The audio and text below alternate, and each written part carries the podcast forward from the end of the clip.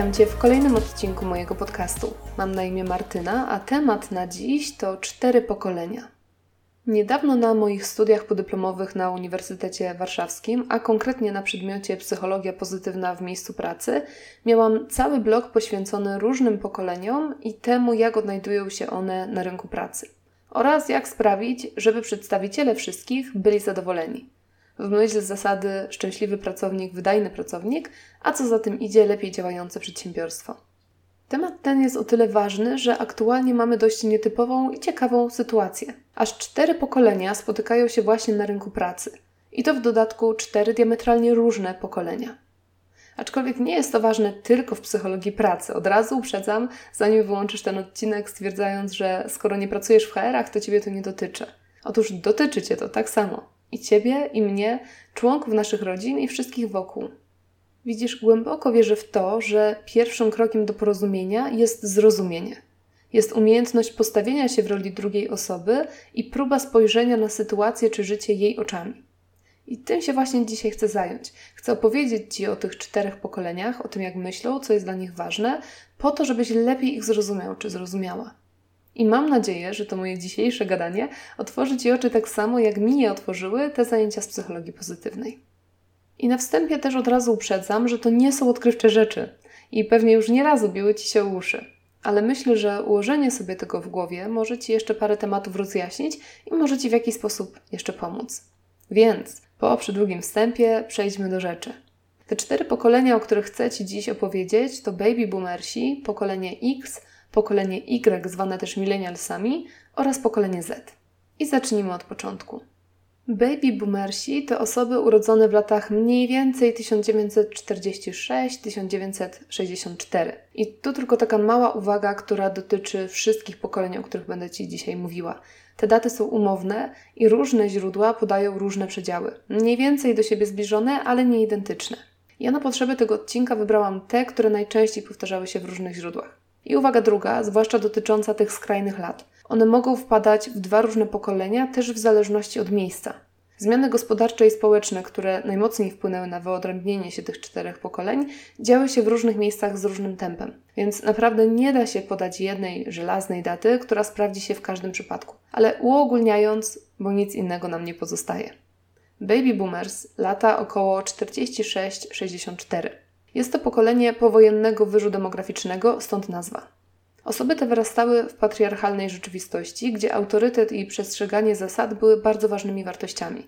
Cenią sobie zatem stabilizację i dobrze odnajdują się w hierarchicznych organizacjach. Badacze jako cechy wspólne dla tego pokolenia wskazują na upodobanie do rywalizacji oraz przykładanie olbrzymiej wagi do wypełniania obowiązków pracowniczych. Pokolenie to cechuje się dużą lojalnością w stosunku do miejsca pracy – Osoby te nie przepadają za zmianami raczej i bardzo często całe swoje zawodowe życie są związane z jedną organizacją i z jednym zawodem. Baby boomersi ponadto czują się zwykle niekomfortowo w sytuacji konfliktu i nie są przyzwyczajeni do otrzymywania informacji zwrotnej. Generalnie praca jest dla nich sensem życia i źródłem budowania relacji międzyludzkich i to często jej podporządkowują swoje życie. Pokolenie X Tutaj jest chyba najwięcej niejasności co do dat, i tu już źródła mocno się różnią, jednak najczęściej przyjmuje się, że są to osoby urodzone w latach 65 do 84. Jest to pokolenie, które już trochę zaczęło się buntować przeciwko temu patriarchalnemu modelowi życia. Ważny jest dla nich sukces, tytuły i status. Wierzą, że doprowadzić ich do tego może tylko ciężka praca. Często wolą pracować indywidualnie niż w grupie. Do życia osobistego podchodzą rozważnie i podporządkowują je pracy. Xy jako pierwsze pokolenie już od dziecka miały styczność z komputerami, więc lepiej nadążają za nowinkami technologicznymi niż baby boomersi. Są też od nich bardziej skłonni do podejmowania ryzyka i lepiej reagują na zmiany. Jest to pokolenie, dla którego wynagrodzenie ma największe znaczenie spośród wszystkich pozostałych, choć bezpieczeństwo zatrudnienia jest ważne. Praca, tak ogólnie, jest dla nich drogą do sukcesu i bogactwa. Pokolenie Y, czyli milenialsi, Oj, i o nich jednym czasem dużo się mówiło, więc zapewne coś już słyszałeś czy słyszałaś na ich temat. Niestety jest to pokolenie, które nie ma dobrej sławy i mówię niestety, ponieważ ja sama jestem jego przedstawicielką. Choć jak każde pokolenie ma swoje minusy, ale też ma sporo plusów. Generalnie X i Y to w większości dzieci baby boomersów, co oczywiste, jednak X to dzieci wcześniejsze, często wychowywane jeszcze w dość trudnej rzeczywistości. Natomiast milenialsi to dzieci młodsze, które często w ogóle już nie pamiętają kolejek, jedzenia na kartki i tego typu rzeczy. Ich przedział to umownie lata od 84 do 97 roku. Ponieważ są dziećmi boomersów i czasem wczesnych Xów, dla których praca jest sensem życia, często są to dzieci wychowywane z tak zwanym kluczem na szyi.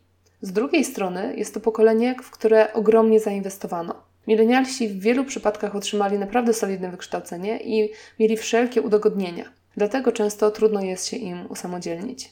To, co też sprawiło milenialsom dużą trudność, to zderzenie z rzeczywistością, którego nie przeżyły pokolenia wcześniejsze.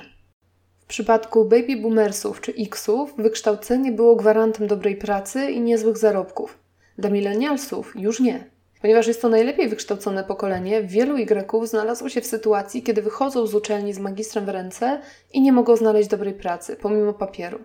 Chyba wszyscy słyszeliśmy historię o ludziach, którzy mają trzy fakultety i pracują na kasie w Maku albo w Biedronce. To wszystko, a także obserwacja wcześniejszych pokoleń sprawiło, że milenialsi zupełnie inaczej zaczęli podchodzić do pracy i do życia.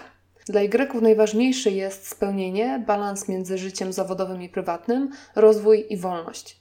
Dlatego są naprawdę dużym wyzwaniem dla dyrektorów z pokoleń boomersów i Xów, którzy nie potrafią tego zrozumieć. Y nie chcą, żeby praca ich ograniczała, są dużo bardziej skłonni do zmian i przez to oceniani są jako nielojalni i leniwi. No i stąd ta zła sława milenialsów. To jednak nie do końca jest prawda, ponieważ oni potrafią jak najbardziej zaangażować się w pracę pod warunkiem, że będzie ona miała w ich odczuciu sens. Wynagrodzenie i stabilność zatrudnienia nie są już dla nich tak ważne jak misja, możliwość rozwoju i wolność. Dlatego mówi się często, że jest to pokolenie przedsiębiorców, gdyż milenialsi często wolą pracować na własny rachunek i być swoimi szefami. Są to też ludzie mocno przekonani, że wszystko jest w ich rękach, dlatego rzadziej szukają autorytetów i lubią sami do wszystkiego dochodzić, sami zdobywać wiedzę i doświadczenie.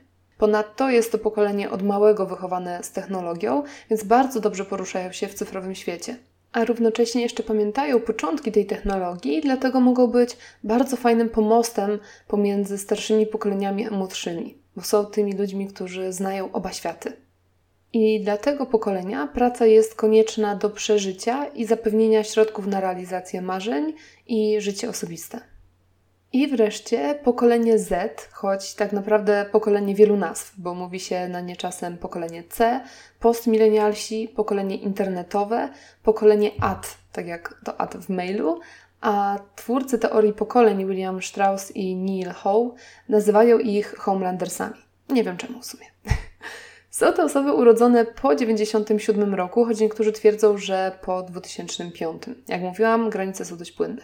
O ile milenialsi stopniowo wkraczali do cyfrowego świata, tak dla pokolenia Z istnieje on od zawsze i często jest bardziej naturalnym środowiskiem niż świat realny. Zetki obecnie wchodzą na rynek pracy i mają wielkie plany na przyszłość. Są przedsiębiorczy, otwarci i bezpośredni. Potrafią bardzo dobrze wyszukiwać informacje i wiedzę w internecie, lubią dzielić się swoim życiem poprzez media społecznościowe i ważne są dla nich relacje z innymi. Właściwie pod wieloma względami są podobni do milenialsów, że zarzuca się im brak lojalności, częste zmiany, późne usamodzielnianie się i problemy z koncentracją.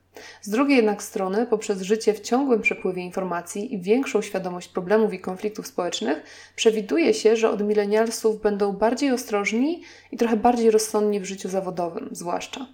My, milenialsi, żyliśmy w błogiej nieświadomości wielu rzeczy, gdzie Zetki już tą świadomość mają. Co nie jest zaskakujące, to pokolenie cyfrowych magików, którzy jednak coraz częściej odchodzą od zawodów rzemieślniczych. Przez to istnieje ryzyko, że wraz z zanikaniem starszych pokoleń również te zawody rzemieślnicze znikną. Przez popularność startupów w ostatnich latach Zetki zaczynają uważać, że praca od 8 do 16 to jest archaizm i że można czy wręcz trzeba inaczej. Niestety póki co ciężko jest podsumować, czym jest dla nich praca, ponieważ dopiero wchodzą na rynek. Jak więc widzisz, te cztery pokolenia dość mocno się różnią między sobą. I teraz, co daje nam ta wiedza i jak możesz z niej skorzystać? Wcześniej powiedziałam, że podstawą porozumienia jest zrozumienie. Podkreślam to jeszcze raz. Nie da się konstruktywnie komunikować i współżyć z innymi ludźmi, jeżeli ich nie rozumiemy czy nie próbujemy nawet zrozumieć.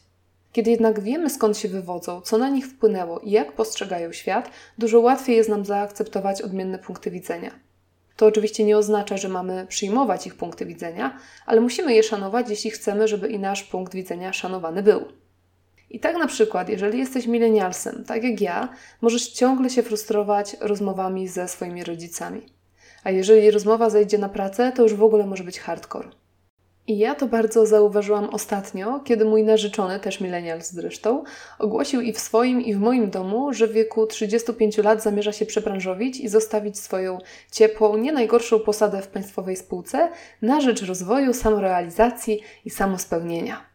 No, jak możesz sobie wyobrazić, nie spotkał się z wielkim zrozumieniem ze strony rodziców. Ale to, co było dla mnie nawet bardziej zaskakujące, to to, że też nie do końca rozumiała jego posunięcie moja siostra i jej mąż którzy są zaledwie 5 lat starsi ode mnie, czyli 3 lata starsi od niego.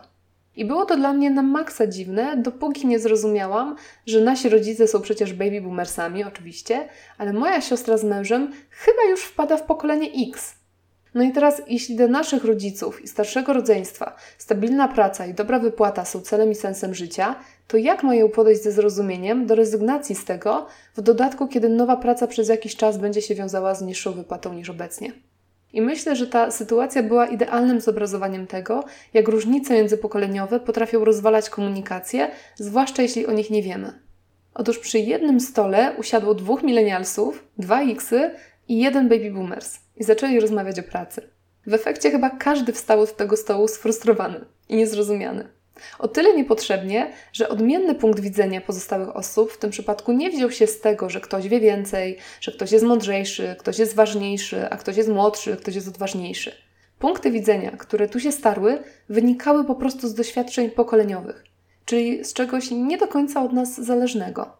I działa to też w drugą stronę. Jeżeli jesteś baby boomersem albo wczesnym Xem i wkurzają cię milenialsi i zetki i szlak cię trafia, że są roszczeniowi albo chcą mieć elastyczny czas pracy, albo chcą brać udział w podejmowaniu decyzji w firmie, pomyśl, że to nie tyle cechy osobowości danej osoby, choć być może w jakichś przypadkach też, ale że to też po prostu takie pokolenie. Co więcej, będąc baby boomersem, warto, żebyś sobie uzmysłowił, że to między innymi ty stworzyłeś to pokolenie tym, czym jest. Jeżeli chciałeś dać swojemu dziecku wszystko to, czego ty za młodu nie dostałeś, i tym samym otoczyłeś je opieką i dałeś mu wszelkie wygody, nie możesz być teraz do końca zdziwiony, że to dziecko, będąc dorosłym, nadal uważa, że wiele mu się należy, albo nadal chętnie korzysta z Twojej pomocy.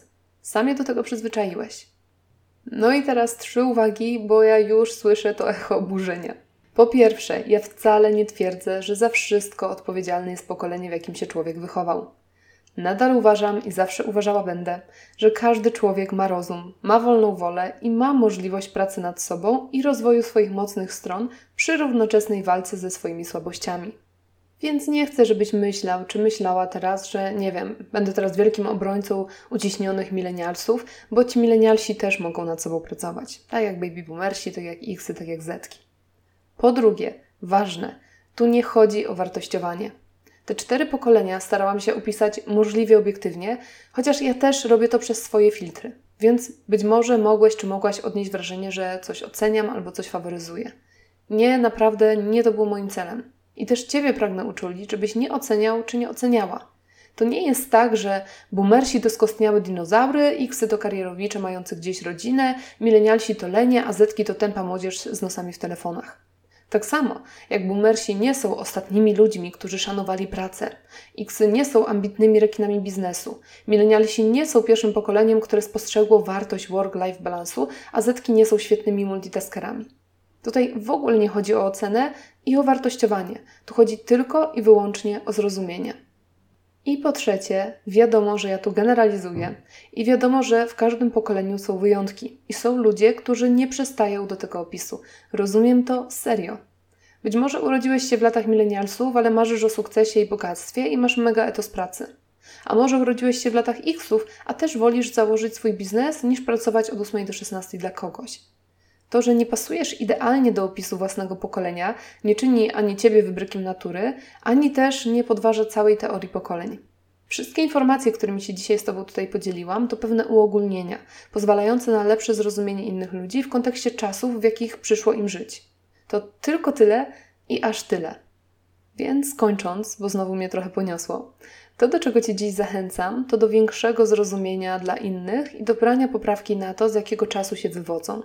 I w pracy, gdzie zrozumienie, kto jest Twoim pracownikiem czy pracodawcą, czego oczekuje i co go motywuje, może znacznie zmniejszyć ilość konfliktów i nieporozumień, i też w sytuacjach prywatnych, gdzie znajomość różnic pokoleniowych może pomóc Ci z większą wyrozumiałością podejść do Twoich rodziców, dzieci, rodzeństwa czy partnera, jeżeli pochodzicie z różnych pokoleń. I może łatwiej będzie Ci dobrać swoje argumenty w rozmowie z innym pokoleniem tak, żeby Cię zrozumiało. Albo może w niektórych przypadkach zrezygnujesz z usilnego tłumaczenia swoich działań osobom, które mogą ich nigdy nie zrozumieć, ponieważ spojrzenie na świat mają kompletnie inne i też mają do niego prawo. Dobra, z tą myślą Cię zostawiam. Dziękuję Ci bardzo za dziś. Mam nadzieję, jak zwykle, że cokolwiek z tego, co powiedziałam, było dla Ciebie choć trochę interesujące.